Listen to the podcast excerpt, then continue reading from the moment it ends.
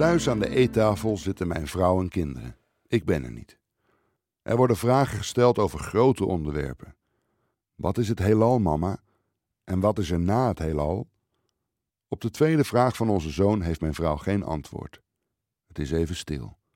Dan zegt onze dochter: Dat weet papa. De oudste oma's zijn het meest zwaar en lange mensen zijn heel oud.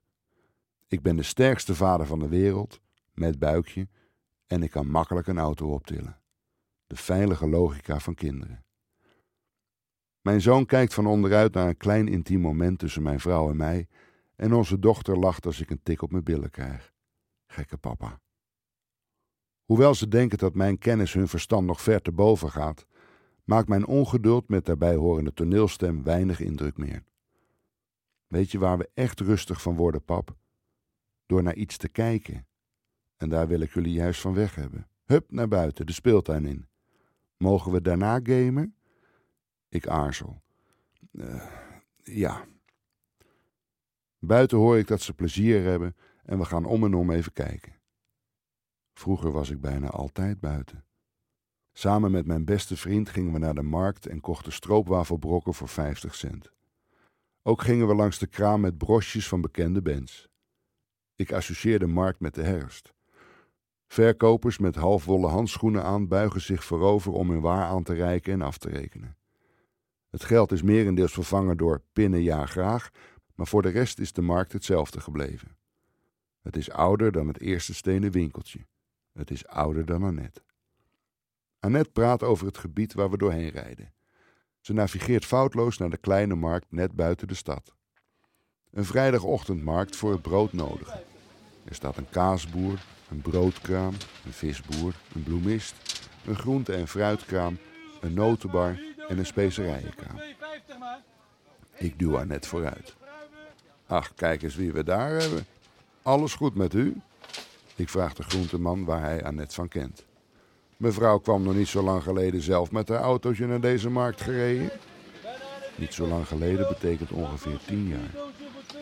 Annette koopt mandarijnen en stoofpeertjes en ik zie dat ze wat druiven pikt om gelijk op te eten.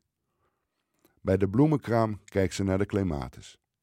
Deze kocht mijn vader altijd voor moeder op hun huwelijksdag. Er is iets met Annette en ik buig licht naar voren. Ik zie dat haar ogen vochtig zijn. Het is de eerste keer dat ik een licht geëmotioneerde Annette zie. Ik was eerlijk gezegd meer gesteld op mijn vader dan op mijn moeder. Ik zie een klein meisje in het lichaam van een 88-jarige vrouw. Duw me eens daarheen. Van een afstandje kijkt ze lang naar de visboer. Die werkt hier ook nog steeds, praat ze voor zich uit. Wil je een haring? vraag ik. Nee hoor, ik hou niet zo van haring. De bloemen, fruit, drie soorten kaas worden ingeladen. Op de terugweg vraagt Annette of ik weet waarom ze zo vergeetachtig wordt. Zou vast wel met mijn ouderdom te maken hebben, denk je niet, Bas? Ik knik. Een allesomvattend antwoord moet ik haar schuldig blijven. Het is een mooie herfstdag en de blaadjes vallen van de bomen. Boven aangekomen plaatst Annette de bloemen in een vaas en we nemen afscheid. Dag meisje, tot de volgende keer. Dag Bas.